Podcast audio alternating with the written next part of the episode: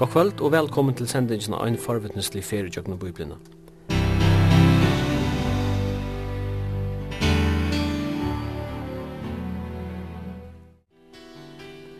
I studion er Sumin Absalonsen, Jekman Zakariasen og tekniker er Taure Poulsen. Og fyrir okkara og gjøkken og biblina er vi nu kommet inn i Nudja Testament. Nudja testamenti er upprunaliga skriva av griskun og var best kjenda baugamal ta av døvun. Nudja testamenti kan i høvesøyden bøydast opp i trutjar barstar. Søvelig parstren til er til fyra evangelien og apostlasøvan. Så igjen koma brøvene og at enda åpenberingen. Tan søvelig parstren fyller mer enn helmingen av Nudja testamentet, høvast talan best rom 5 av dem 22 baugunum. Apostlesøvan verður stundin uppfatta som annabind av Lukasar evangeliet, av til at høvunden er den samme og malbalkeren er den samme. Evangeliene er den største og dyraste bogmenta skatter som er fallet mannaatene og i lot. Høvundane vittna om det som allir den gamle sattmannen pekar i frammemøte, og som allir den nødje sattmannen bygger av, nemlig at god er åpenberar i holde og i sinesøgnen Jesus Kristi, som er føtter som levde, døye, røys opp atter, og var tidsin opp i dørdene hei han var kommet, og hei han i han øysen kjemer atter. Evangelistaner er i annakvørst egna vittne til Jesu liv, eller hava steg i tøttun sambande vi eia vittnene. Tan fyrsta bøgjen i røyen er Matteus er evangeliet. Matteus, som øysene var kjender under navnet Levi, var læresvenn i Jesus er, og det som han skriver er ikke endetøk av gamle saknon, men personlige opplevingar. Malbalkeren, som Matteus skriver i til, var først og fremst jødar. Jødar hadde i ølter vanta Messias som profetene hadde bo om skulle komme. Og et attervendande årafettelig kja Matteus er det hetta. Fyre at jeg skulle genga ut som skriva vær tja profetene. Matteus er til evangeliska sambindingarlige middelen Gamla testamentet og Nudja testamentet, ans og hebreerbrevet er til teologiska sambindingarlige middelen Gamla testamentet og Nudja testamentet. Matteus byrjar vi attartalve Jesusar. Attartalve var hahøyleir middel jødanar, og Matteus byrjar vi a kalla Jesus fyrir son Davids og son Abrahams, det vil sija kongasoner og lyftesinsoner eller troarsoner. Jødaner hadde vant av Messias som kong, en kong vi politiskun og militanten myndeløyga, og Louis Jesus her høska i ikkje inn ut mynd som tør hadde haft av Messias. Tøyert han Kristusmynd og i Matteus malar i sunnen evangelie fyrst og fremst en kongamynd, og båskaperen tja kongenon i fyrst og fremst om rujtje kongsins, kalla rujtje himmerujtjes. Samanbera vi tei fyra evangelier sutja vi hesar Kristusmyndenar, Matteus, Jesus er han fullkomne kongurin. Markus, Jesus er han fullkomne tænaren. Lukas, Jesus er han fullkomna menneska. Og Johannes, Jesus er gudsoner fullkommen i øynun og ætlun. At evangelistane leggja imiskan dent og avvisa sjuir av Jesu personu kjemst auiva av tui malbaltje tar skriva av til. Markus skriva til drømverjar, og vi sutja til eina praktiska tænaramind av Jesus. Lukas var gritsi og skriva til grikkan Theophilus, og i auva var ein vimmaur til Lukas. Og vi sutja her evangeliet klatt ut hans søvelige og poetiska bunan, og i hellenismen mette så høgt. Her er det menneskesån Jesus vi sutja. Johannes er han gade for evangelisteren som fevner fra ævenleika til ævenleika her er Jesus hin evige sonur Guds. Men atler heva dar sama mal, nemlig a poika av Kristus og letja menneskjen øyna vi a søkja han, tryggva av han og tæna hon.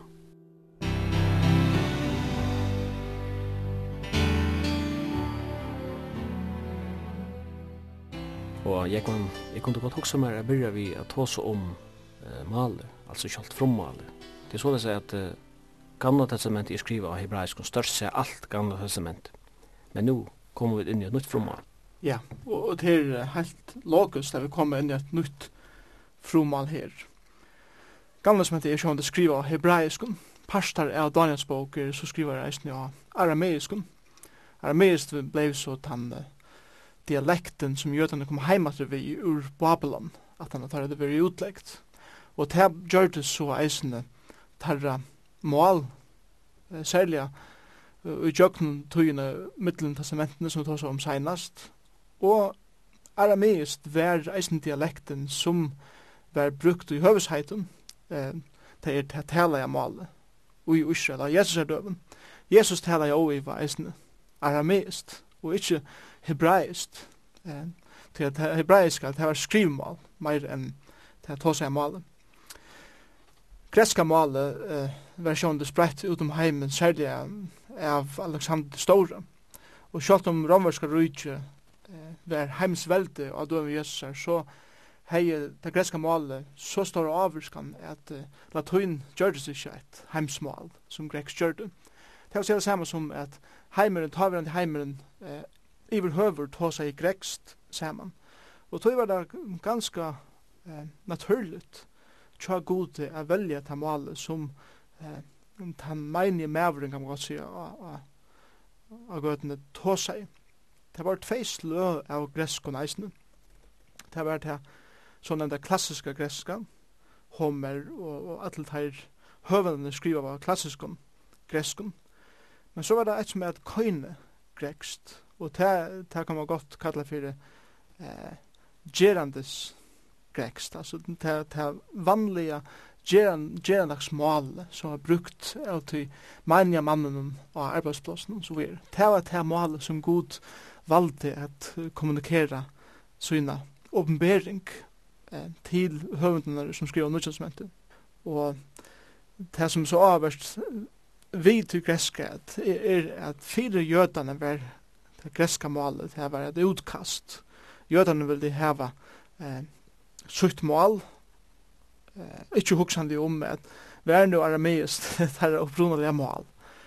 Og tog kunne det tidsis for jødene at det vil ikke ha nekka vi, det greska er gjerra. Men det er sånn god valg det, og men kan velge god å bruke det her som det er som det mest religiøse sier fra seg. Og vi sier at det er mønstre atter og atter. God bodger seg nydelt herra som kanskje, og i egen kjør religiøse folk kan ha minst at høye. Og, så det var, det var eit. Men eh, greska mal i seg sjálf er så avmedelig rukt mal. Og, og det var ikke annan mal at hemmen døven som kunne uttrykja så vel og så djupt eh, nekvar at hemmen sannleggen som er uttrykter.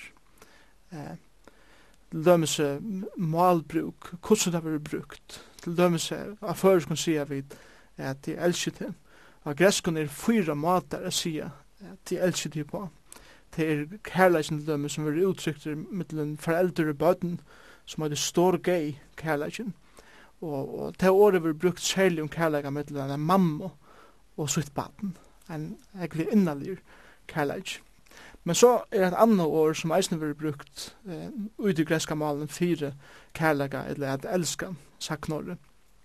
Og det er fileo, og, og det kommer eh, så fra fra eh, Phil er, er brover Philadelphos og, og det er brover a gjerra en, det er en kærleik som er uttrykter som er i middelen viner at vi hava nekka felaks, vi standa saman om nekka, og vi respekterar kvann annan, og vi elskar kvann annan.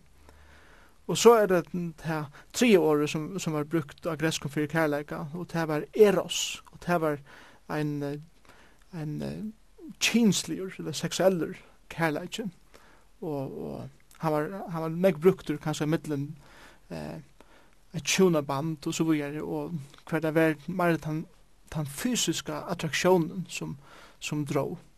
Og det fjorda året, det uttrykket kærleika vi i skriften eh, agreskon var agape kærleikin, og det er en kærleik som, som var en særlig godomlig kærleik, som var en eh, treitarleiser sjálv oppoffrande kærleik. Det er det at jeg krever jo ikke at det fire at elska til. Jeg krever jo ikke at du skal elska meg først for at jeg skal elska til. Lyga mykje hva du er, lyga mykje hva du gjør, så, så elsker det treytarleist. Og det skal kosta meg nekka. Jeg vil færa lenga ved for jeg viser at jeg elsker. Alla sér årene er utlums okkara bøybel omsett kærleik, eitt år men det er uttrykt i fyra imenske matene i det greska. Så hetta lyser, men hetta bara lytel myndi av hvordan rukt etter mali er. Så med leis kunne veisne eh, en tås som grekst eh, ui hvordan det oppbygger sånne, sånne tøy, vi heva eh, ta tøy, vi heva fralitna tøy, vi heva eis man arist tens, det er eh, at det er akkur som et, du teker en, en mynd av en situasjon som er akkur her, og det lyser at han hatt. Og så er det eit som eitur avhaldande nutøy, eisne, til, til dømes, tid menn elsker kvinnertikkara sender i båsatte og greskund dømes. Men det som er avhverst, det er til at det sender i avhaldande nutøy av greskund det sier mer til at jeg skal ikke bare elske konen mina i det, men det som Paulus sier her, avhaldande, det er inn og det er ut, er til å være som jeg kjenner tikkara lov er til bare kærlega til tikkara koner, til dømes. Uh, et annet uh, til dømes i tøy i greskon er eisne eh, man kan omsenda til fyrir man kan kalla det fyrir ta tøyarli framtøy ta til i framtøy Helst er det samme som at det er nekka som er sagt ui ta tøy men siba til framtøy Og her også til lømmes i rombranen, her, her tås han om at god har utvalgt okkur han tidskil okkur og, og han hever, han heilager okkun, og så stendur, og tei hever han eisne dårdar gjørst i tatui, men hatt er sle av tatui som tåsar om framtui, til at dårdar gjørst er ikke færre fram enn, men han sier at, det som han sier ut i tensen er at, at dårdar gjørst er så vois, eller så viss, at hun kan sias ut tatui, kjolt om, om, om hun enn er i framtui. Så hatt er, hatt er bare en liten mynde av hvordan og medelig rukt dette mali er som god valg til å kommunikere eh, syne åpenbering, sykt år til mennesker. Og jeg sikker vi at, at det er godt, sjåan det kunne jo ødelig ikke lære grekst, og ødelig ikke omståret at lære grekst det, men jeg sikker at det er godt hava folk som du er færre at til grundmalet. Det vi må være ærlig og si, si at en omsetning er en omsetning, og, og, og tog er det området at vi då er færre atter til hva sier nu han den nye ansan av sin åren, eller av sin setning, hvordan skal det ventas og, og skiljast, for vi kunne få at han røtte oppfallene av tog eh, ui okkara toging. Ja, det stender jeg at uh, Jesus græt iver grøvna tja uh, Lazarus, og æsne at han græt iver Jerusalem. Her har vi bare ett år før han græta. Ja. Men uh, av fromhalder tja imiskår, anna merker græter vi vevn, hitt merke grader utan vevn. Så men de angsten her, det viser noe helt annet kan man, det som ser en omsetning. Ja, det er helt sikkert. Vi husker om et annet år som eisen er tveir imiske tøtningar av, og tveir imiske år av grenskom, det er at, at hitta en person, eller møta en. Og jeg husker om i, i fyrir fyrir fyrir fyrir fyra, så sender jeg at, at jeg tar sånn til Herren Jesus kommer atter, så sender jeg vi skulle møte hon i, i skutsen, sender jeg Og det er tvei år som har brukt å møte en person. Det er at det er vanlig at det møter en person i det gøtene, og så sier jeg bare hei og færre vujere. Men et år som er brukt til dem så i 4. Thessalonikerbrevet er et år som vi brukt om at vi skal møte en i hattikten, at du skal komme framfor kong og møte konge. Og det er det samme som ta at du skal møte en, en hattikten, så gjør du til reier, du sørger for at, at, du, har er greit og når rekavur og tar nå fint øyladen og du klarer på omkring maten. Og det er året som brukt her at du skal møte kongan og kongi og herran og herran. Så, så her, her er et annet år. Et annet år eisende, det er tre år som brukt om, om uh, kraft til dømes. Jesus sier i, i uh, Apostelsonen 1.8 at her anden kommer og til å få kraft dynamis er året. Og det er her som året dynamit kommer fra og til, til en veldig, veldig kraft som andre gjør oss til at ber evangeliet. Men så sier Jesus um, i Matteus 28 at mer i givi alt vald herbeint. og hatt det vi mer vi myndelega gjerra. ta en myndelega som jeg har finnst fra en øren, og, og en, en myndelega som jeg har oppebåret av få. Så at det viser eisen nekker nyanser her eh, fra det greska herbeint. Onker du sagt det at uh jeg skulle lese Bibelen, lese en omsynning av Bibelen, sammanlokna vi at lese fromhall. Det er som at kyssa kona ikke, så vi er en slør for anlid. ja, men en lærer som er, grekslærare kommer, han, han tar det sier at, at, at lese Bibelen av greskon, og så en omsynning til det som er hitje etter en sjåvarpe som er lit sjónvarp, eller sjónvarp som er, som er svart og kvitt. At uh, ofta tar man hekker en svart og kvitt sjónvarp, så fer man ikke ikkje alle disse nyanserna av den liten som er i kvarjen kroatje.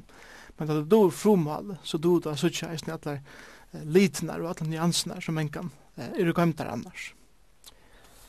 Jeg kjenner til å være ikke frumal, jeg pleier ordentlig å studere onkel år og så interlinjer Greek English til det som det nærmeste er kommet til.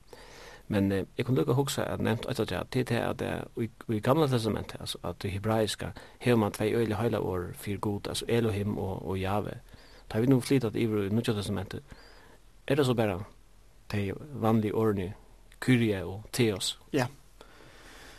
Det, er årene som er brukt i, i for det tuttningsen, Kyrios, er, er et år som er mer brukt om herran, og, og det er så omsett fra årene, eh, Harry her, og så er det hitt, hitt året som er Theos.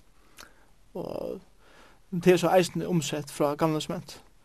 Så det var så tvei år som var vanlig brukt i eh, gamle smentet.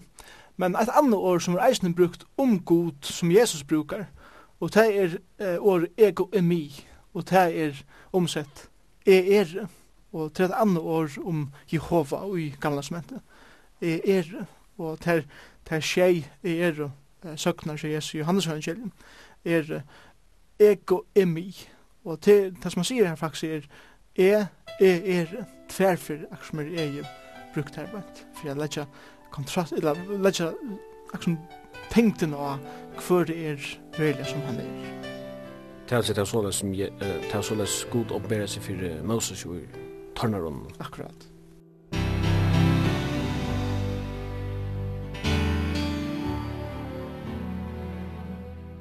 Jeg kunne huske meg at jeg hukte nær at høvendan av disse bøkene, Matteus, vi vet at han var en toddler, ikke? Ja. Det som er avverst vi er ødlen fyra evangelien er til at høvendren, han, han introducerer seg ikke på samme måte som Lønnes Paulus gjør det. Han byrjar alt sinne brøv i Paulus, apostel Jesus Krist, til samkommunna og, og så videre. Og, og, og tøy, er nemlig spurningen hvor, hvor er nu høvendren av sin imensko boken og evangelien. Og her må vi så hitje etter sjående det først etter internen prekvun, det er prekvun fra evangelien sjolvun, og eisen eksternen prekvun, og her kommer vi særlig til kyrkjefetrene. atle tar fyrst og kyrkjefetrene, det er sjående um, atterlige um, atterna at apostlene er så deir, og så kanskje fylgjande atterlige. Det er alle samtur om at Matteus, her. Eh, ut her skrivun, sier at hesen Mattius, vær Mattius, eh, sjolver, lærersveiner Jesu, en av dem tølv lærersveiner Jesus så det var angående veri nekka spurning om hver han vær.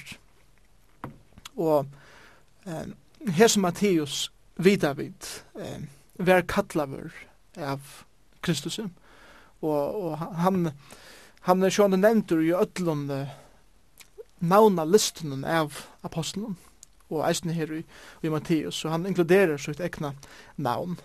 Um, Matteus nevn, um, mersker gava gods. Gava gods. Um, du høyre året Matteus herbeint. Og han var eisen kallar for Levi. Og det er mersker at binda saman. Og det er teker okken eisen aftur lukka til at levis i gamla testament.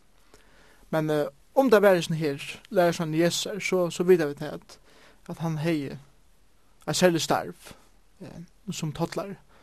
Og Jesus kallar han fra å være tottlar til at komme og fylse seg etter. Ja, hvis vi leser ur uh, kapitel 90, vers 90, så stender det her at ta Jesus hene for langer, sa han mann, og i at Matteus, sida vi tottlboene. Han sier vi han, fylk mer, og han rastist, og fylgde hon. Hetta minner om ta Jesus kallaði eh, fiskemennar, at han fyrir fra gøtten og fylgde hon her da ein toddlare som røyser seg bøynes ur starven hon, og han fylgde hon. Det er han som skriver til evangeliet. Men at være toddlare var ikke nekka populært starv. Nei, det var helt sikkert ikke. Særlig ikke i i Israel, og hans tog hver Israel var under en romersk valgte tottlaren og Hesetui var ein maver som arbeidde fyrir den romerske staten. Og tals er det samme som at han var betaltur, eller han var lantur av til romerske rysnum, fyrir at hega pening fra jötnum. Det som er avverst, Mattias er sjående soner Alfeus, og, og han var jöt sjolver.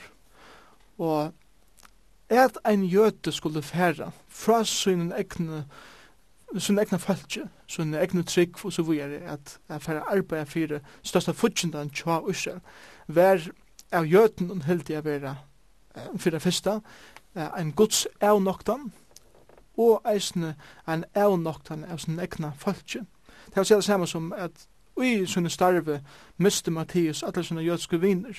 Han miste eisne retten å komme inn i synagogna, og nekk nekk anna og han var, han var satt som et utkast eh, i sin samfunn, eller sin samtøy i Israel. En annan grunn for at han var opopulær var, var han at uh, romerske staten sier vi tattlarnar hva det er som vi krevja fyrir at eh, få okra skatt. Men eh, ungen treit var sett til tattlaran om, at, om han er i hoa teka sinne meir til sin sjolvan eller ikkje og flestu tollar eh, tóku nekk meir enn romersku eh, romerska valde krauti og vi kjenner til dem søvn om, om Zacchaeus at han, ta Jesus kallar han så får han bær alt det atter som han er stjåle fra menneskjen og, og tog våre tollarne ta døven utroliga eh, opopulærer og hædeir av, av folkjen til at han var satt som, som tjovar, simpelthen. Til dømes fariseerne lærte i synagogen at det at være en tottlare eh, være fire møveleikan at få fyrirgiving for sinne sint til dømes. Det er så at en tottlare kan aldri få fyrirgiving eh, for sinne sint til at han sinten er så stor at han har vant gode bætje og han har vant sinne falske bætje og Jesus fyrir beint til hans lykan og kallar han at fylgja seg etter Et som anna som er avhavverst, vi vujtjande kallen av Matteus, er til at mengan stå hans av toddlbonar ute vid høvesveinar, her som nekk folk feraust. Til dømes, um, det var en høvesvei fra Jerusalem, ester om Jordan Anna, oppe kjøkken Puria, og så inn i Galilea. Her var en høvesvever som folk feraust, mens det er Jøtan feraust i kjøkken Samaria, til at samverja var helt nærmere eh, hundar, heldur vera halver jötar og halver hetningar, og ein jötu var dolkaver om han kom nær en samverje. Fram við venen var det tottbuer, her tottlaren sett. Det er sett samme som at kanska hei Matteus eh, vire utfyrir tog at Jesus ferreist á sin vennom, og han kanska hever hørst han tala evangeliet, Kanska hever han verið i samtale vi han omkudui, og av en eller hatt hever han kanska finnst egen og fyrir hos mannum. Og ta er så Jesus kommer her i Mattias nudje og kallar han, så var han fullkommen til reier, er kasta alt fra seg til at han, han hever følt av kall over, og han, han fylgjer honom utan et blunka. Da vi det suttja lærersvennerne, altså navnene vera nevnt, de som Mattias Tutsi, så vet jeg kallar vi imenskund navn, altså tilnavn. Man hei jo ikkje etternavn ta døven. Nei. Så för att eh merkjøn, som man sier, en person vi hadde sett navn, så fikk han et, et tilnavn. Uh, Simon Kananier kallar han. Ja. Men ærastan vil han kalla for Simon Silotes. Og Matteus kallar seg sjálf for Matteus Tottlar. Og Thomas er tilnavnet Tvibor. Mm. Og så framvis. Men tar vi tog om hvor en Tottlar er. Han som arbeidde sammen med hersetningravalden, og som eh, er peningagjernd man kan si hei selsen og sal til fudgendan. Ja. Og så sammanlokna vi en silåt som gikk inn for partisankrutje og var en nationalister om en hals. Så så jag vi at vi tar med en silåt og en tattlæra og i middelen tar tattlæra som til Jesus. Ja, det er bare han der mynden her er så omedelig fantastisk aldri og hun lyser så utrolig vel hver kristendommen er kristendommen bryter nyer allar murar som annars uh, standa i mittel mennesker. Og ein silotor og ein tottlare som tveir av lærersvann Jesu her hadde aldri kunna være saman nekra stennar. Og, og silotoren hei han hei, han hei vilja just av vi henne toddlaren så kjøtt som han kunde til han heta igjen. Og han sa han som en svitjare som hei svukt sitt folk. Og nu koma der her, er bare kattleir av av Kristus og koma saman. Jeg husker meg at, at veri her mengan og, og kunne se særlig kanskje første tøyene hvordan er det tåsa saman? Hvordan er det kunne eh, fylst saman om dianar saman med Jesu? Men jeg tykker vi at at uh, legislin til alt er det at her er se at nøye god som fjaller til alt det her. Det som er vi gjørst om mine forstøy det er færre atterom, og i livet nu og i nutøyene. Og det er flott her, halde jeg, Mattias kallar seg en toddler. Det er ofte er vi uh, som mennesker, er bensjen fyrir at, at, at nevna nek om det som vi er kommet fra. Men er aldri områdende at ikkje gløyma hver vi er kommet fra. At ikkje gløyma hva det er som vi er frelst fra. Så jeg så kan, uh, i, i båskapen som vi ber, så tar vi om uh, hvordan det er godt det er at jeg vil baden gods, hvordan godt det er å være frelster. Men vi glemmer mengan hva det er som Herren bjerker meg fra, hva du ikke er som Gud bjerker meg fra, tog at om vi, om vi glemmer det, så du vi helst lykka vel at identifisere meg vidt her følelsene som kanskje enn er du her, og så kan jeg hjelpe at han oppgjort herre du ikke eisen. Så jeg er ången jeg glemmer det, det er en frelstor sintar, som var eh, bort borstvilster fra god, vi har forkjent det av fortapelse. Og, og det glemte Mattias omkant. Og jeg sikker Mattias, ta han er ferdig for Jesus, han er kommet for å bo i tattboer. Jeg sikker hans hjerte har vært eh, særlig eh, kærleksfullt i måte tattene som enn så det her. Jeg sikker jeg menga med at det er ferdig, er han ferdig i til herre og hever lota vittheimen, henne båskapen. Så kristendommen bryter nye alle barrierer og, og viser heldur hva det er som vi har til felaks og det er sjående ikke annet enn Jesus Kristus selv. Tattar tog avgjald av vøreflottning og vi vet at, at Jericho, Hersuri og Juta var et, et, trafikkpunkt på samme måte som Kapernaum var her norr. Og han kjente tattlar i Jericho var jo Zacchaeus som er sånn Lukas Nøytjan og som Jesus bjør seg selv inn til. Og Matteus er tattlar i Kapernaum, det kan hoksa seg at han nøysen jo kraft tattlar av lærersveien nok til Jusen og starve. Ja, og tann iba. Og, og hva veit man ikke kanskje kjalt kraft tattlar av Jesus, det er fyrir som vi, det er videre så ikke.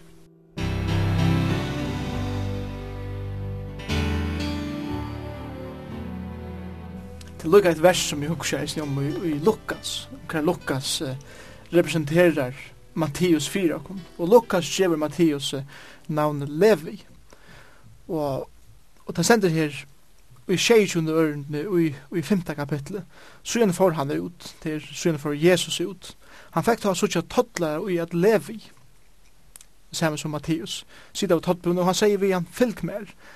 Ta får han fra ødlen og restist og fyllt i hånden. Men så er det særlig det her som Lukas, akkur som skøyder på i, som hinner ikke eh, sida. Til nødstjone ørende, Levi gjør den store versle for hun heima tjaser, og her var store flokker av toddlaren og øren som så det til bors vi hånden.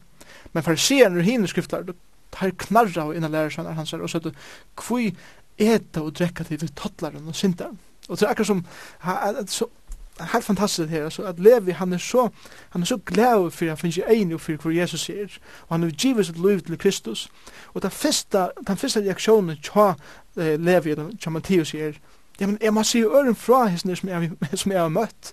Og han bjør i sånne, sånne arbeidsfellaven, sånne kjennekon inn og gjør denne versle for Jesus. For at her kunne eisen høyre av bådskapen, og man kjenne hentan som han har møtt. Men ta religiøse, ta her halda seg borster. Ja, og her er også noe som i halde man er suttja og i løsene av tatuer mentene, det var til at etan og måltid som er vi gjør, det betydde det samme som at du, du gautog vi kommand helt sikkert, ja. Det var virkelig at gjøres en timer vi en person. Jeg kunne sitte om samme båre, og, og kunne ete kanskje ur samme tråd. Eh, det var at identifisere seg vi den personen som man er sammen vi. Det var å si det samme som at Jesus identifisere seg vi toddlere og vi sintere. Med en kvart her som kanskje var tikt, skulle eides for å være at her heile og mennene i landen som representerer og god, eh, vil du ikke komme nere av det her støy som god selv var nere av. Ja, og Lukas 15 stender, allir tallar og syndar hildi seg er tja Jesus i at høyra han, men vei farisearen og hennes skriftlar knarra og søtti, hesen teker um syndaren og eter vitt dem. Han får enda så lengt at han og at saman vitt dem.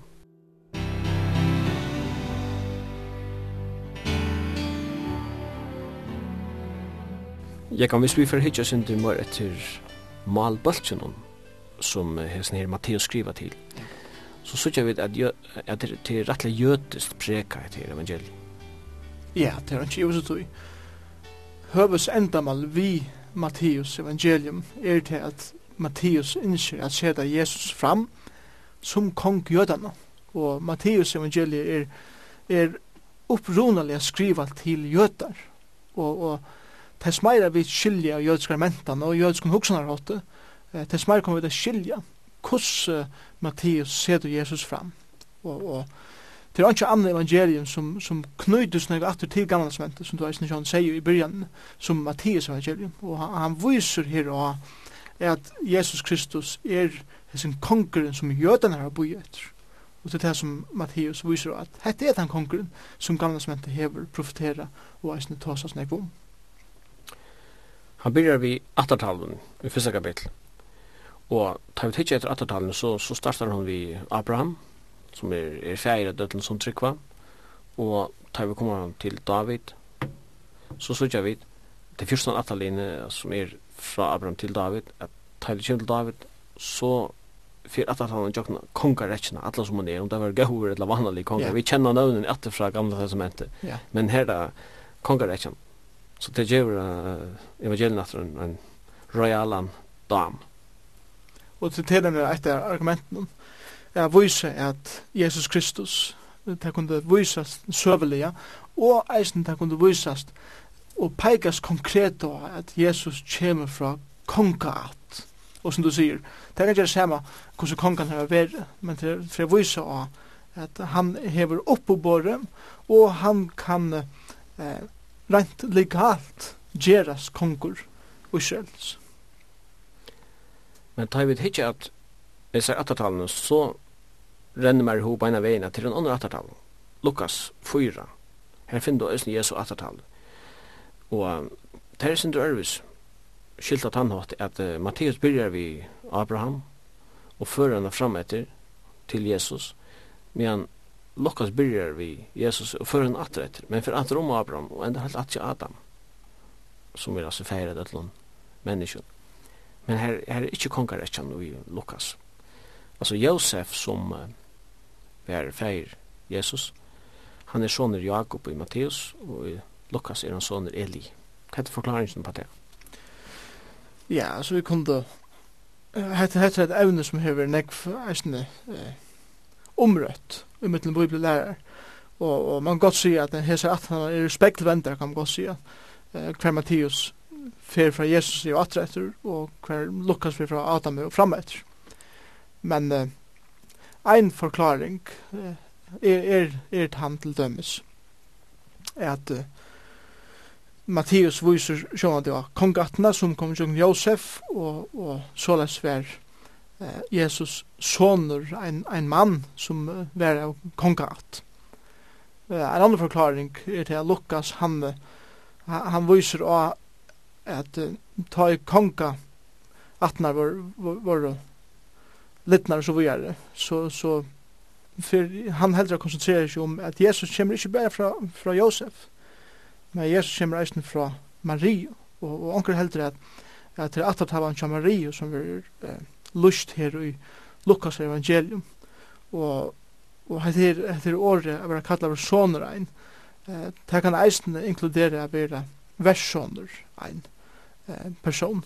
Og, og så kommer man, vil man parster av en familie herbeint. Og, og så kan det eisen vises da at, at um, a handan hot rent menneskeliga eh, var Jesus, kunde Jesus eisen koma eh, ui jøgnen en møy føying og såleis vera kallar syndafryer tog at han kom ikkje av tog atten som eh, rent menneskeliga seg jøgnen Josef kunne være kallar en syndar på den måten. Så um, bare helt stort så kan man godt se at Matteus gjør Josef så at, og Lukas gjør Marius så. Så kan vi se at at han Lukas hon er mer anonym, altså at her er mer utkjent av men vi kjenner nekka personen atter i Matteus. Et som jeg kjenner at han er til at her er at her er rettelige mannsdominerer her. Omfra Marie så sykja vi fyra kvinner nevnt her her. Jeg husker om Rahab, Rutt, og Kone Urias, og Tamar. Ja. Hadde burde ikke vært det beste nevnt.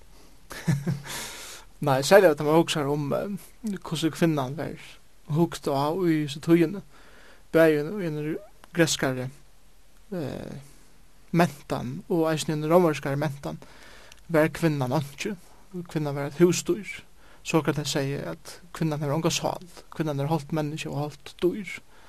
Så, så det er at Bibelen lytter kvinnerne opp på etter støy, og han ser denne jan støy vi mannen eh, viser til er god opprunalige eh, skapte kvinnen og mannen av samme støy av jøvnen fødte Kristus lytter kvinnen opp etter og gjør henne det plass som hun er oppebåret og ikke, ikke bare til men at han inkluderer kvinner her, men som kanskje i tarra samfunnet var enda um, meira satanir og Rahab, lømmen som er skøtje, eh, Rutt, og hun var altså ikke jøte, og, og Betseba, hon, hon var, eh, hon, hon var, kan man godt sige, rand eh, av en mann, og så var det.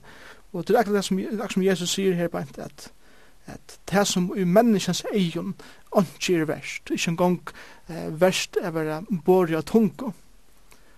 Det er nega verst for god, og god heile anden som vi skriva, sjående eh, Mattias, og jøkken Mattias. Han sier kvinnan hever oppebore, hever er nevnt vi tungu, hun er oppebore kjolt, at vera i atterthavene av Messias sjålvun. Måtte vi komme til dette her, eisne, og skilte i okkar samfunnet. Det er altså sånn polera en øvn som Sara og Rebecca, det er slik ikke nevntar her, men er det nevntar som vi ganske heldig kunne hos med fei hund og tepp. Ja, det er sikkert. Vi tykker vi da, vi da sjå han da vanta mengan ui okkara kristne løyve. Ofte har vi et ho til at sitera og sipa til disse veldig store stjøttenar som til løys. Vi nevner Billy Graham, og vi nevner alt som mennar oss, men vi må ikke glemme at det at god brukar eisende mennesker som vi kanskje ikke er uho å nevne mengan. Og det er sant av samme støy, akkurat som ødel ånder og i egen gods. Og måtte vi lære som mennesker at se ånder mennesker vi linsen som god hever og ikke okkara kritiske og fordømende egen mengan. Tals Jesus kom fyrir at leite til syndaren, fyrir frelsa syndaren, og han kom i jøknen en attatal som òsne bestå av syndaren. Hatt sikkert.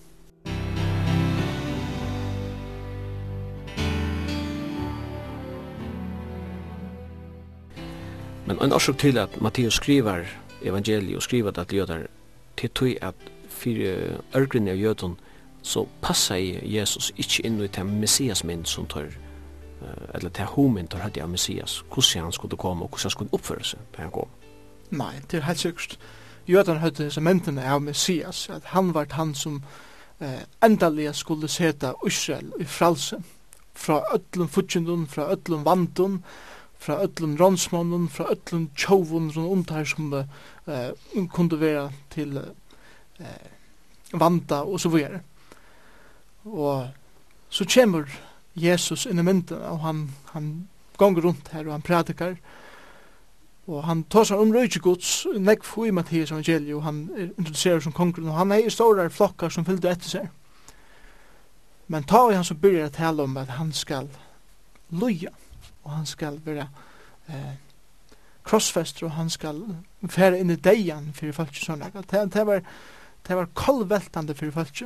Og det tar det ikke etter öllum fyrir evangelien, så, så viste han seg at Jesus hei størst største manna med hver fylgjande seg Arne han byrja at ta seg om hva han velja var kommet til. Og, og det er akkurat som at folk ikke venter noen bæg til han velja seg at det kostar å fylgja meg etter og hette det som er kommet å gjøre hugsa om Matteus 16 eisne. Her byrjar Jesus at oppenbera for lærersvann synen hva han er velja vær som han er kommet å gjøre. At han er kommet altså at loja. Han er kommet at djeva løsut i deian. Og, og, og Peter sjående som han broas til av, av Tamen tølv. Han løyper opp. Og han sier at her skal alls ikke henta. Og så videre. Og Jesus sier igjen, vik altså om med satan. Du veist ikke hva det er kommet til. Og jeg sikker at alle tølv der som er her hava hava eller er farne jøkken og en utrolig svara tøy. Så jeg nu knappt er her grunntarlega som det kanskje fra byrjan er fyllte Jesus i fire rist. Så jeg det er kanskje en, en av grunden kanskje vær et her tølv fyllt om det er så at ja, men her er jo konger som skal bjerg okken fra okkar fudgjendum. Og nu sier han at det er helt annerleis. Men uh, tog betur så valde det at jeg fylgte Jesus. Men nekv, nekv folk vende Jesus bæk her bæk, og vil jo ikke mer ha vi han agera. Og jødene her tidsi, høyde ikke skilt trygg vi skriftene i gamle sment. Så jeg, trygg vi at vi lesa gamle sment, som vi da ikke har om, så lesa at ekla greit at hese Messias, han kom eisne i gjeranaga, og det er at djeva livsut. Jeg meins vi, altså, vi kunne lesa uh, bare Isaias 3 og trus, for jeg sutja hva det er som Messias kommer å gjøre. Men av en eller annen hatt heva jødene vi blinda i fire hessene her kapitlen og Isaias. Det kan også huksast at rent politisk så hever den eh, politiske og militante Messias passa bedre inn i tørra, ikke dreimer. Ja, det var ikke givet og tog. Og her må du sjående ikke glemme til at en dag for Jesus har kommet etter som tann eh, som gjør at han vågna her at han prøver å komme. Men det er ikke det enda i fremtid. Og til ganske verst å nevne her at ta vi to som slik ting som det er, så er det viktig at vi som mennesker søker sannleggen og ikke søker om det som vi kunne huske om hver sannleggen. Ja, absolutt. Jeg tror at menneskene er så bunden til okkar egnu hugsan om det som er sagt. Og, og vi må heldur be god som du sier, Vís okkur sannleikan, vís okkur hva det er som du ønsker at sia til okkara ui just nir, hvordan kan jeg teka etter skriftåret til mun og læra liva det ui tui omstøvun, eller teimen omstøvun og ui tui situasjon som er ui det. Ja, Paulus skriver til Timotheus om at det er skulle komme til at ikke vilja vite av til høyne om lærer, men tega seg lærer et som det kittler deg i øyren, vi øyren, det vil ikke vite av sannlagan, men ikke høyre til som det som lever som musikker der øyre. Ja, ja. Og jeg tykker vi at uh, årene som Paulus er hava er kjent atler tøyer, men kanskje særlig nu vi lever sørste døv. Matteus han knyter av løyselige løyv Jesus er et gamle testament og brukar hette årafedle som kommer atter og atter fire fire at her skulle gange ut som taler vi er vi profeten og jeg vet ikke hvor ofte hatt det nevnt i evangelien til Matteus men ekvelig ofte og meg mer enn i hinn evangelien selv om hinn er også nevna det Men bara vi också kunna er att uh, Josef och Maria byggde i Galilea och hon är vid baden. Men nu må de færa ur Galilea och nøya seg färra till heimbygdene eller Atarbojen, Bethlehem. Och medan hon är här kjem tøyen att hon ska øya.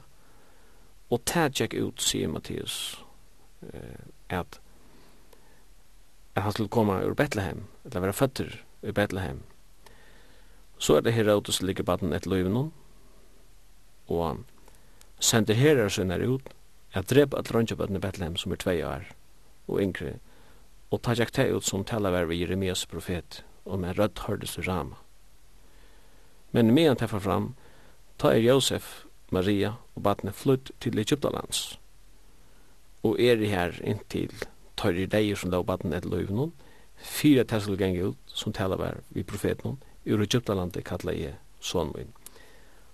Nu tåra det ikkje bosetta seg atru i Judea, men færa halt til den norra parten av landen til Galilea og bosetta seg i en bygd som heter Nazaret, fyra tessel geng ut som tala vi profeten han skulle kallast Nazareer, ut og i åttuek, ut i minste detalje, så sier jeg at anki er ivlat til tilfeldigheter. Nei.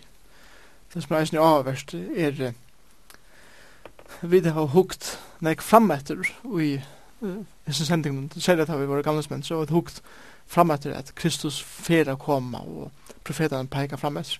Nå er det kommet Mattias evangelion, nå sutja vi det som har vært peika til veri oppfyllt, beint her framme eh, egen okkara. Og, og Etta viser eina fyrir enn henne reia trai sum gonger i jokken allar skriftene.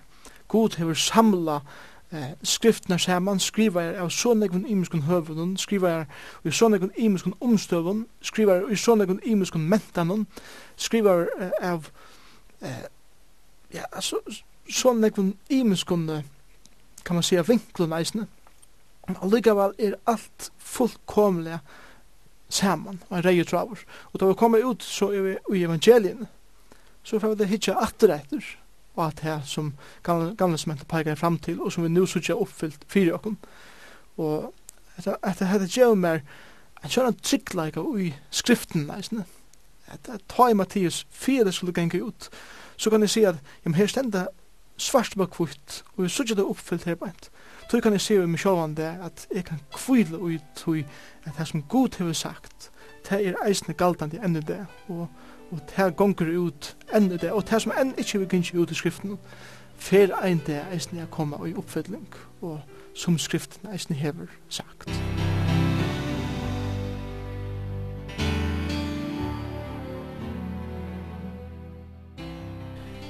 Og et annet som vi sutja i Matteus evangeli, til er at det her er flere prætiker som Jesus held. Samanlagt med vi til Markus, så er det så at Jesus taler mer i telegramstil i Markus. Men i Matteus er det lenge prædiker. Han heldur til kjente fjallapredikerna som fevner om trutja kapitlar, 5, 6 og 6. Og han heldur også en prædiker for lærersmannen til han sender, tar halvfjers ut, tujjenda kapitlet.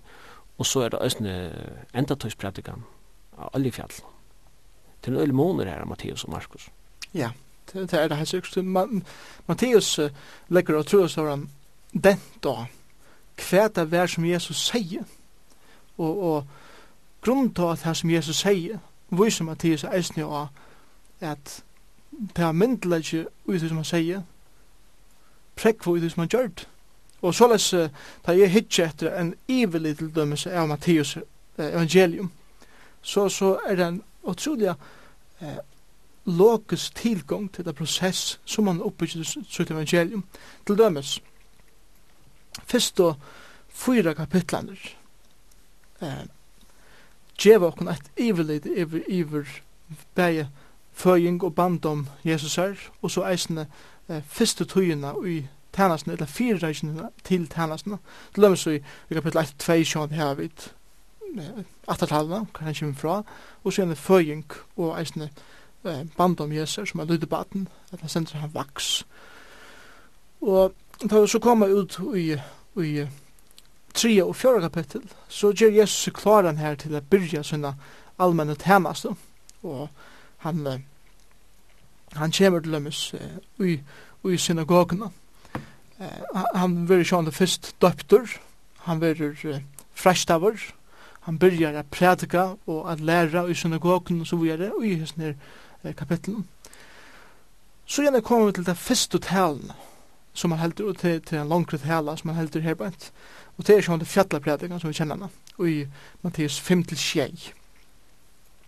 Det som han sier her, vil akkurat som prekva ut det som han gjør det, så gjerne i kapittel 8 eh, til kapittel 9, vers 34.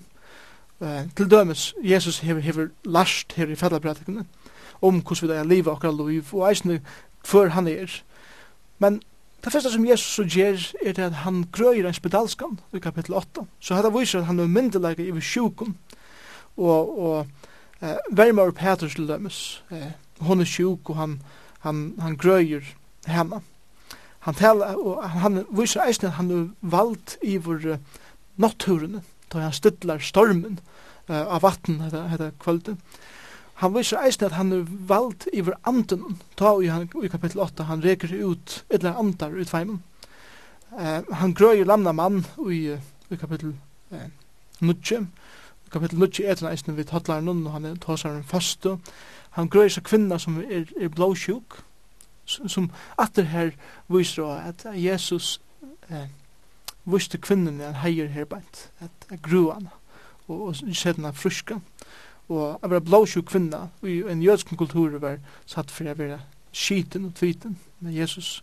Eh, grøtt gjerne så med leis reker han ut et eller annet og eh, han, han reiser deg opp fra eh, fra dem deg så det viser her på hvordan jeg omrøy han har valgt av sjukken han har valgt av et eller annet han har valgt av naturene og han har selv valgt av degen og grunn av hans har lær prekvar han eisne til som han gjer at han er konger og Israels, at han er sonur gods. Da vi så kommer ut 19. kapittel, vers 35 og til kapittel 20, vers 24.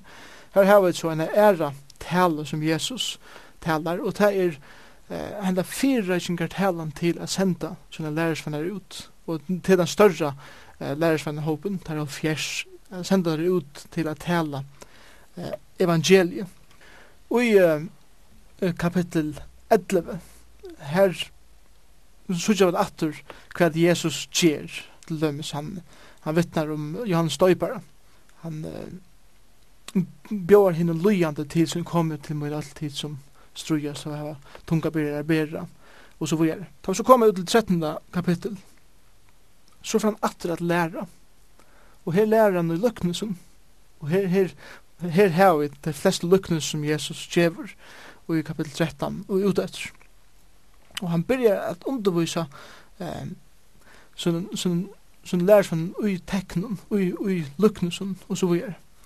Men ui hese tøyene her, eh, særlig fra kapittel 13 og ut etter til kapitel 16, byrjar Jesus nu åpenbæra nega helt nytt fyrir lærersansynet, og det er det som vi tar som Johanne, at det som han er velkommen til, er, er det at han er kommet til å løye for folk. Han er kommet at teka sind folksins, den aller største trobleikan. Trobleikan av folksins var ikke til endelig at de var under eh, valden av rammerska rysnum. Trobleikan av folksins og ikke ødel mennesker var det at de var bunten av synd og han er kommet her at løysa tantrobleikan og ta, eh, løysen på tantrobleikan var at han måtte løya at han måtte dodja, at han måtte teka straffgods upp på seg sjálfan som var foran alla veginn ut av krossen og her dodja fyrir sinter menneskjans og dette var så sjående revolutionerande fyrir eh, hans herra lærersveinar og eisen fyrir hans herra eh, vikkaja lærersveinar håp Det vi vet at John fra Matteus, at John heian tar tølv, så var hans lærer som han heisen sjån, nekv ånder som han sendte ut eh, predika evangelium. Og i kapittel 18, fra 1 til 35, har vi så til fjoro, tal og jeser, kan man godt sige. Og her tåser han særlig om eimjukleik, at, at uh, ikke var til avstøyt. Han tåser nekv om bøn, han tåser om fyrirkjøving, og og, og anna. Så akkurat han, han underviser her meira generell evner hvordan man eier liva som en lærersvenner Jesus er. Da vi så kommer ut i kapittel 19, så kommer han etter norrane fra Galilea. Han har haft atlas et talen her norr i Galilea, lukka fra fjallabrækken, ja. Da han kommer, da vi kommer til 19 kapittel, så kommer han til Jerusalem, til at det var jo til Jerusalem han skulle, til at det var malet kjønn, ikke bare til Jerusalem, men alle veien ut av Golgata. Og det er avverst har vi lesa fra eh, Mattias 5 og utetter. Vi beveger oss mer og mer sur etter rent geografisk og i, og. Og tar vi så koma til 19. kapittel, lykka til 24. kapittel, er, er vi så i Judea og eisne i eh, Jerusalem. Og den seinaste predikan i Mattias er sjående enda tøyer predikan prædikan som var tala av oljefjallen, og her tåsar Jesus om hva det er som fyrir eikjenna sørste tøyina, hva det er som fyrir eikjenna framtøyina, og han åpenberer nekrar sannleikar fyrir som lærersvinnen her, som har vi framtøyina gjerra, enn eisne fra okkar sjåna mye i det. Og hendan talan er så alle 24. og 25. kapittel.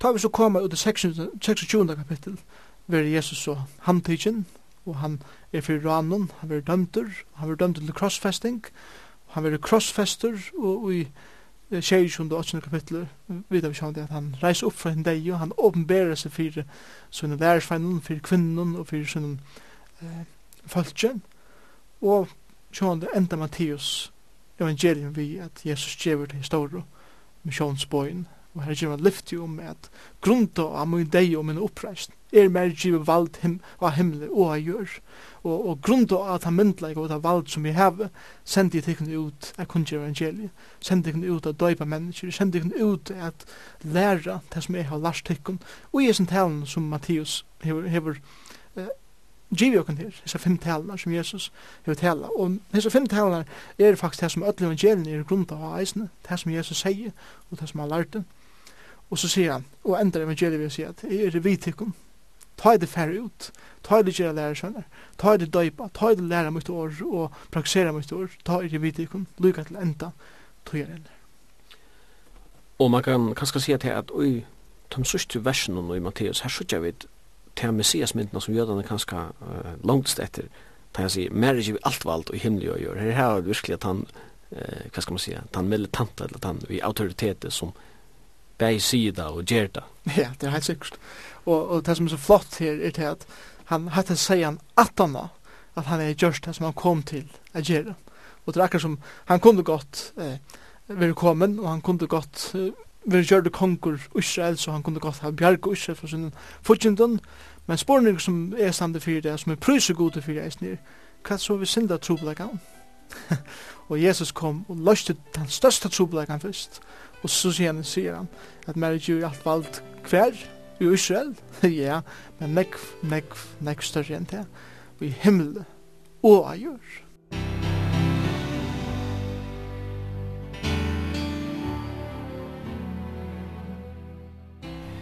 Og i nekv momentene var det så at konger ble tilbytner. Og snu ut i romerske, det vet jeg, keiser og derskan er jo kjent. Og i fyrsta kapitlet i Matteus, her så ikke vi at, at det er en kapitlet at voicemen kom ur Estland og sier hva er kongregaten som føtter er til videre seg stjøtten hans og vi til kommer å tilbya så vi sier at at badne verir tilbya av voismannen og i det sørste kapitlen av Matteus tar vi Jesus er samlet ved lærersvunnen da stender at da det så han tilbådar så han vil tilbyen fra byrjan til enda. Ja. Og, og vi kan se om se han här vid att är alfa och omega här början och änden och, och lika mycket eh kvar Jesus ser så har han alltid uppe på det och kan tillbön till avvärsta är inte så här i Matteus 8:20 Arren Jesus Jevet ham bo om at att göra Arren han byr der färre ut. Arren han byr der døypa og at lære sig ett år. Så byrja det med tillbyen. Ta i der så han.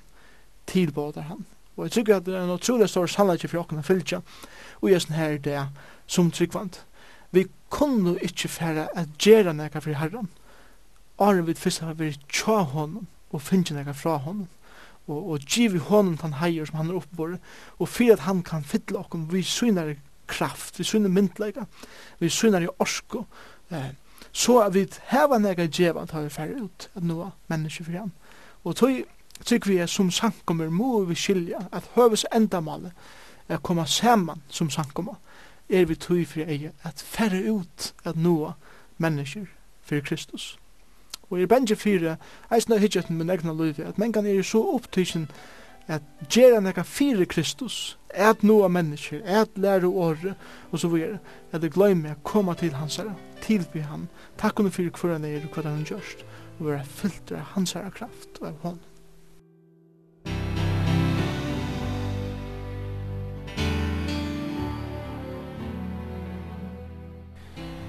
Jeg halte også til at hetta Jesus tog imot tilbyan.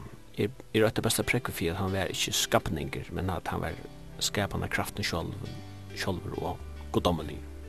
Ja, det er ikkje så tog. Vi vi lesa det Johannes åpenbering. hver angelen åpenberer for Johannes hver framtur at han godt ser og så vidare. Og tverfor åpenbering leser vi om at Johannes kastar sig ner i knøyene og han får tilby angelen Men Angelen sier vi, nei, nei, nei, nei, ikke tilby meg, jeg er en felags tænare, jeg er en felags skapning vi her, tilby god. Og, og dette viser dere at en ene god mottekur tilby han.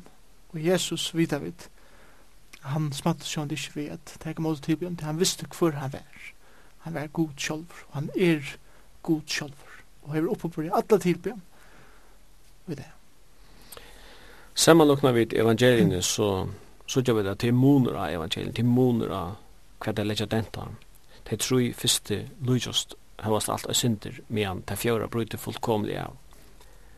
Og ångte vi vera til tru første evangeliet kallar for det synoptiske evangeliet. Hvordan spør det til at Johannes evangeliet bryter så fullkomlig av sammenbord hindrøy? Ja, det er en god spurningur. Vi, vi sier vanlig at det er fyra evangelium, og det er det er fyra evangelium.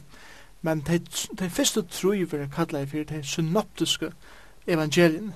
Og det er altså synoptik, eh, eller synopsis, det merker at her har et felaks syn, eh, eller syn i omnæga. Vi må godt sige at, at det er fyra vinklar av einon evangelium ut av fyra høvendene. Til dømes eh, Matteus, han hikker etter Jesus som høvendene som kong jødana, og det skriver til jøder. Markus hikker etter Jesus som, som tænare, og, og Markus skriver til romverger, og til det sjøen det er en grunn for at Markus er nekst stittre enn hinne evangelien til, til romverger, det vil ha det så stort og greit som møvlet.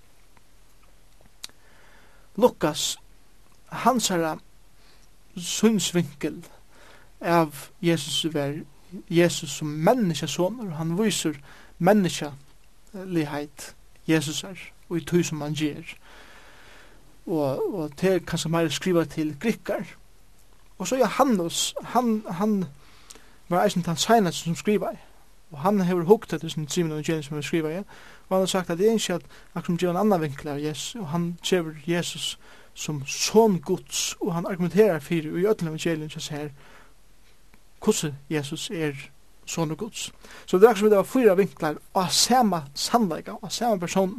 Det er akkur som man er inne i en, en konserthøll og spotlightene oppi i loften de kommer til den bila ate fra fyra imiskon vinklum. Og så lest vysa evangeliet okkon fyra imiskar vinklar av luive og lærer Jesus er.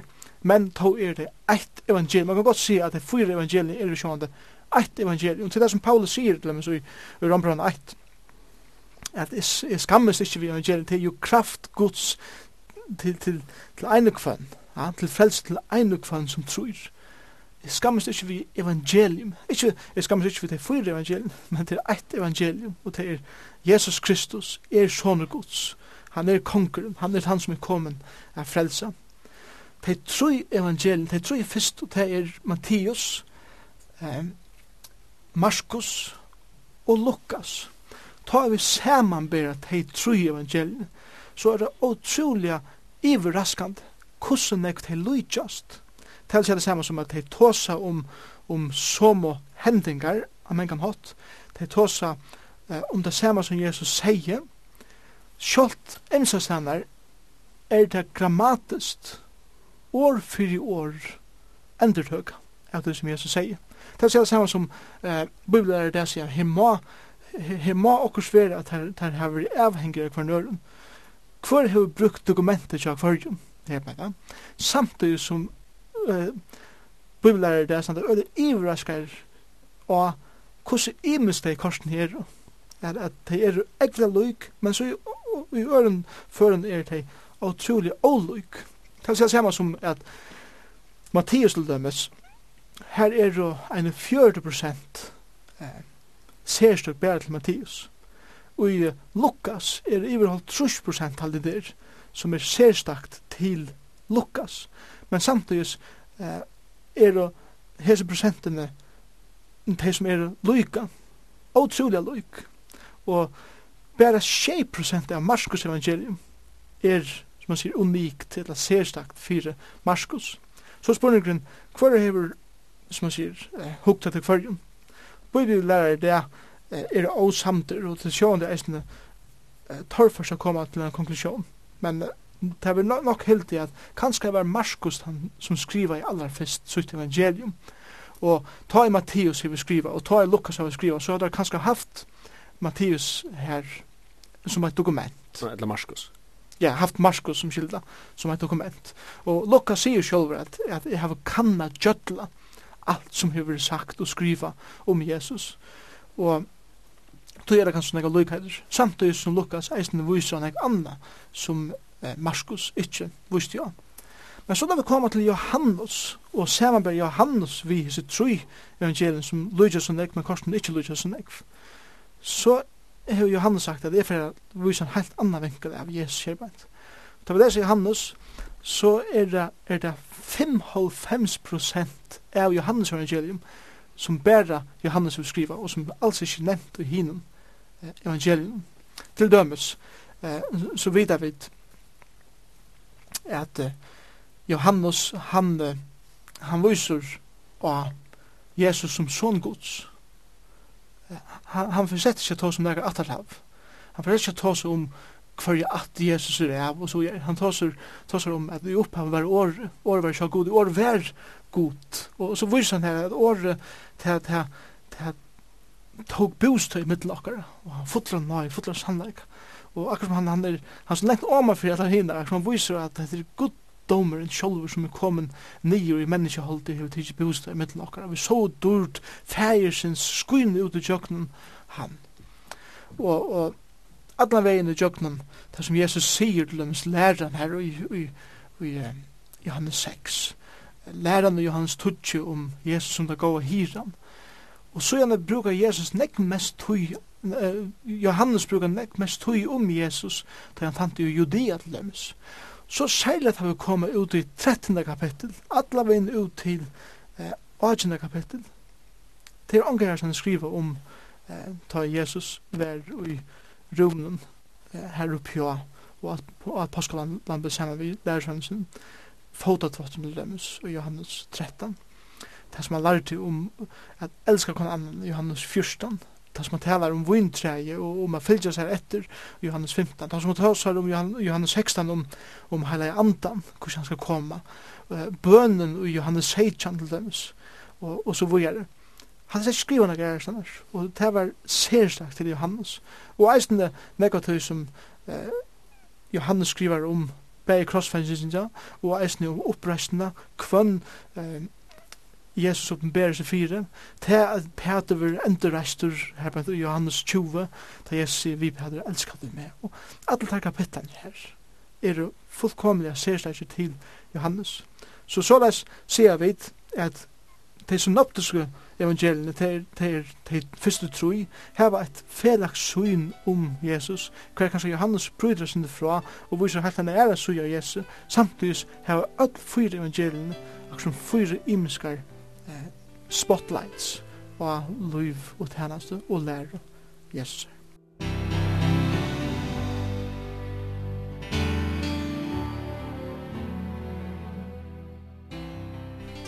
Ja, eitt dømi til dømis Da Jesus tåsar om rujtje himmelrujtjes, at uh, han er jo nekka mindre at ein er han at uh, til lukt kondjus som gjør det brittlepp sånne og sendte tænare sinne ut av bjaua, og han bei mongon, men de som var boin lette ikke nek uita, og som lette hånda tænare nær og, og dro på der, og kongren ble over og sendte her, sendte herren og kjassar ut, for at uh, gjør av som andre bare sitt elda av bojene av dem så framvis. Så det heter, det gonger hardt fyrir seg.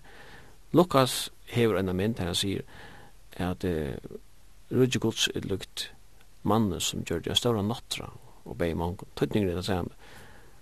Av bau mynden men vi sutja i øren tilfellen dette her disse royale myndena til en konger som bjøver og til Brytlev og sånn og hitt er bare en sivile nattra. Ja, og jeg hatt også verst hvordan hønene velja materialet ut fyrir at det kan uppfylla ändamål som det här vi skriva. Jesus sjående eh, gav utrolig negv luknelse, og, og han, han underviste utrolig negv ui myndun. Og traver som du sier her, eit av luknelsen som Jesus brukar var nemlig om henne kongen og, og alt det. Og Mattias sier, det passar akkurat det som er innskjatt kommunikeret til jødene. Jesus sier et annan luknelse om henne stora nattran, hva Lukas sier, dette passer bedre til min måte å skrive på. Jeg tykker at, at, at luknelse, luknelse her, Hesberg sier det samme, men Jesus har undervist bæg, og så er svaldet der ut. Og i andre områder er det at skilje, ta tar vi lese evangelium, så får vi en rikve av luknelse, som vi får en rikve av eh, undrun, og en rikve av lærere som Jesus eh, lærte. Korstene må vi asanna, at vi får bare en luttland parst av ödlen som Jesus verliga lærte, ta han färdaist och så videre. Tror jag att om det skulle skriva alt som Jesus säger, allt som han lärt, lukkene sier, öll, eller, ja, öll under och så videre, så, så är det som Johanna säger, att om det skulle skriva i böcker så är öll heimen inte rum, öll boken som det er fyllt. Och, och, och tog er det området jeg skiljer til at vi, vi får en mynd av Jesus som er nok til for å kunne skilje hver han er, at han er sånn gods. Tar som granska søven, tar heva nekrar metoder som tar brukar fyrir at kanna uh, kjeldetilfær, og sin tro vi i kjeldetilfær. Uh, mittel anna sier man hver hver skriva, uh, hvordan lengt er det gynnt fra at du tabla skriva, eller fra at du hendingane får fram inntil tabla skriva, hva vi uh, søkne eller saga eller er det ikke langt tog, så er jo vant til at, at uh, bådskapen er blevet avlærer, og så framvegis. Det er en alkjemær som heter Nicky Gampel, som sier til at evangeliene er den best dokumenterede og mest troverdige søvelige parter som heimslitteraturen hever bjør i det. Ja, til, til ønsken, ønsken ive om det av Mergranot. Og, og Matteus evangelium skriva eh, i så mye nasjon som hendingene er for fram. Og de, de dokumenter som var skriva her, og jeg tog, var fullkomlige og alløydant, eh, søvelige og atlanhått. Bibelærer er, er, er jeg synes og i om akkurat hva for år Matteus var skriva men til vi skriva noen helt få år atana at Jesus var deir oppreistur og færen opp til himmels og at hui Mattias er sjåvand Onker heldur at og iva hever Mattias vil skriva åren år halvfjers Jeg tror at Mattias sier ikke om fall Jerusalems til dømes og i synden evangelium. Og det er det samme som om Jesus døye i år 33 etter Krist og kanskje er uh, Mattias skriva, jeg vet ikke, nok noksan er jo hold trusjen kanskje, så er det bare 20 år lien, her bare fra til at hendingene fører fram til at det er fest nyer eh, i, i dokument, altså rent eh, søvelige, så heter det fullt avlydant. Sammanlokkene vet vi i føringasøve, så sikkert det at de skriver 118, og de skriver Usland. Og da vi leser om Adjar som uh, som uh, ikke og så spekulerer man på, er det noe større dømda, enn man vi, og et eller annet, hva er den, og så framvis. Ja. Og føringar har vi oss alt latt vi er trygg på føringar, så selv om vi har alle grunn til å så i om en som stend, med land om det, hva er menn tåsa i om, det der svum og sorar, vi har ønsken at han bær boi boi, og så framvis, hva er man, vi røyne logikk kan si, ja, her og gal. Samma lukkna vi, vi evangelien, så er det eia vittner som har skriva, om Jesu liv, om deia og oppreisen og alt det her. Ja, det er en å ses. Vi vet, på en eller annen hatt så, så er vi så utrolig skeptisk at det kommer til eh, til nøytesmentlige skriftene, eller Bibelen hele tiden, og åttan er verlig at vi er ærlig og logisk og sette meg huksa, hvordan er det nu vi gjør til nøyre dokumenten? I meg så vi, altså vi heva eh, 000 søvlig handrit eh, gommel, etter gomul handrit av fullum personal dokumentet og eisne bråten av nudja 25.000 de, de eldste av teimen kunne daterast til omlai 25 år etter til at originaler var skriva, selv om det ikke hava originalen i det. Og så setter vi spurningar vi med, hvis vi originalen, så, så er det ikke alludant. Men vi setter angan spurningar vi krutsin til Julius Caesar til demis de dokumenten som heva om galanske krutsjene nu er skriva i tusen år etter at hendelsen får fram. Det er tusen år etter Krist, de dokumenten som heva det.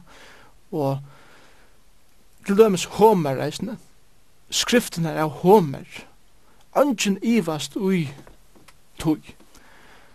Men dokumenten som heva Homer til dømes, daterer alltid til 1200 etter Krist. Og så da ser man bare det her eh, vi 25.000, og bare noen få av Homer, og noen få hundre av eh, Julius Caesar, så er det ikke i hva stykke, rent logisk, at søvelige og eisende eh, rent mentanalige og skrivelige og så videre, stender nødgjødsmentet så nekvaferna særskar enn alt anna søveligt tilfell. Ja, og Herodot, han skriver jo om Imus som var framme i Egyptalandet, alt Arn Herodot var føtter. Men evangeliene, og han sier om til Matteus, Markus, Lukas, eller Johannes, de ikke skriva i fyrir at nøkta søvelian forvidenskap, eller uh, fyrir nøkta granskingarhoen til avisen teologen, de har et helt bestemt endamal, nemlig at pøyka allar mann at nja hvor Jesus er, og at gjør man mann at nja en oppfordring til at trykva han til frels. Ja, og det må vi da du gløyma. Eisen jo i en samtale som er her, kan man ta seg om hese evangelien som søvlig dokument og sjående det her området. Men vi må ikke glemme det her, at dette er altså evangeliet. Og det å si det samme som at det er god tøyende.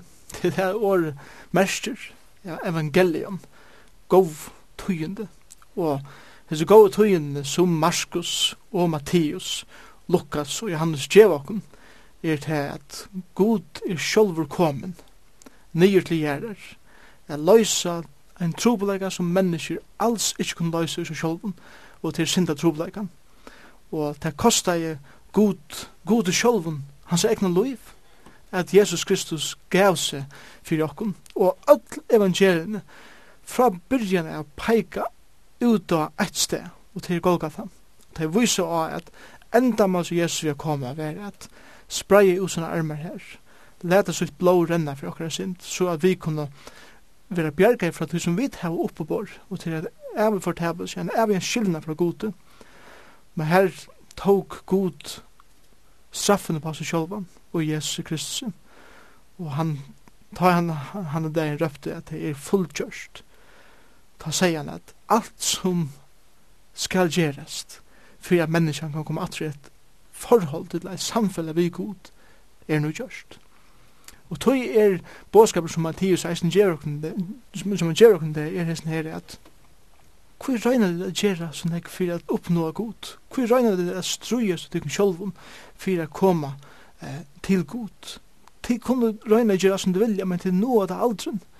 Det kunne røyna koma til det støy i løyen hva det halte at nu får god og godtaka meg av det som jeg har gjørst. Men Sverige er, han får også det godtaka det fyrir til til at du erst ikke gåver nok, du kanst ikke røkka opp til den standard som god hever sett. Og tog var det Jesus kom, og han sier at jeg gjør det, og nu tar det som du erst, erst vil det komme til mun. Og det er det gode eh, tøyene som, som Matteus gjør Og til just kjattnan og jætlund, til er det som Jesus gjør til akrossen Og vi har nevnt det her, at det er som tilbor i evangelien som bare øyne evangelister nevner, hinne ikke av vi og så fremveis. Men det som alle evangelisterne gjør seg nekvann og meg at løysa, sera gjødla, sera vel, til Jesu deg og hans er oppreist. Og det sier dere så mye at vi bjøs ikke over i vom hva er vekten ligger. Ja, det er Det er som er det er ha punktet i ødelen for evangelien. Og dette er, dette er det som er så områdant. Det som er snu urande er at tar peik ikkje bare av deia Jesus er. Deia Jesus var, var absolutt eh, neivur fyrir at, at eh, tilfredsstilla rattfuse og vrei gods og asent. Men om Jesus bare støye, ja, men så har han vært, så er han ikke vært meir enn enn annar. Men det som tar vise av er til at han reis opp alt. Og det er det som gjør kristendom så av medel av dyra bæra. Og, og tog kan kristendom til ikke samanlagt som vi neka anna som kallar seg religion. Mohammed og Buddha og, og, og allir er såkallar religiøse leier får i grøvna, men hever andre fotos på hinne menn. Og tar litt her enn og boi etter en del til å være reister opp til dom, hva tar eisen skulle standa framme for gode. Men Jesus Kristus reis opp på det tredje dagen, og han, han, han og vuste seg og prekvei seg for lærersvennen sin og sin etterfølgeren. Og til tog vi kunne bære hese glede til henne i det at Jesus lever i det. Han er fyrirgiv okkar synder. Han bjóar okkar fyrirgiving. Han bjóar okkar å koma til sin og få henne spurningin avgreitan. Og han sier at jeg stande pure åpen her bjóa der. Jeg har golde fyrir tøyna synd. Men er du vilja til å teka så gavna fra mer som jeg har til tøyna i det. Og det er det endamal som vi eisen må peika av det. Kære lustar, lika mykje hver du erst, så er hessi åren til tuin.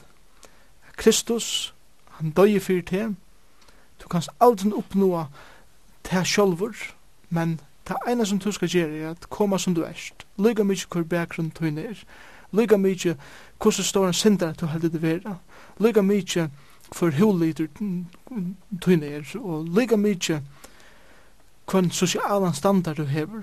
Jesus sier, veis at jeg elsker det, og jeg hittir ikke etter hans nær, jeg hittir etter det her som et baden som er vilst av lei, som er fullkomlig hjelparsleis og vognleist, og jeg skal gjeva det hjelp, jeg skal gjeva det vogn, jeg skal gjeva det evigt liv som ønsken andre kan gjeva det her.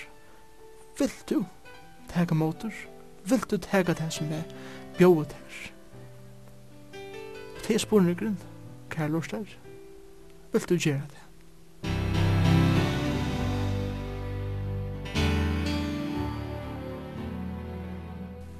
Og vi hesson åren så færa vi at takka fyrir okkur lindin her kvöld. Og i studion var Sjøyman Absalonsen, Jekvan Zakariasen og teknikar var Taurur Poulsen. Vi sier takk fyrir.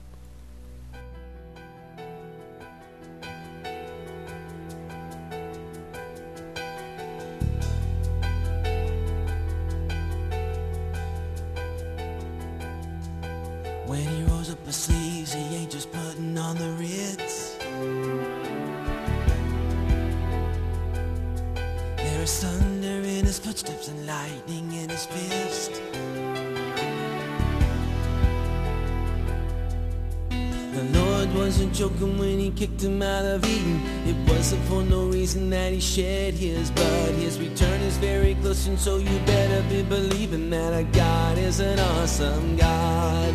Our God is an awesome God. He reigns from heaven above with wisdom power, and love. Our God is an awesome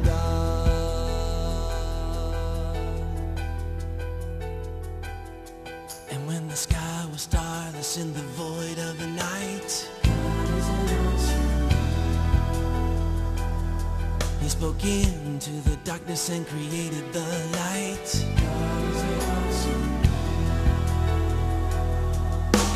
Judgment and wrath he poured out on Sodom. Mercy and grace he gave us at the cross. I hope that we have not too quickly forgotten That our God is an awesome God. He's an awesome God, He reigns. From heaven above with wisdom, power and love. Our God is an awesome God.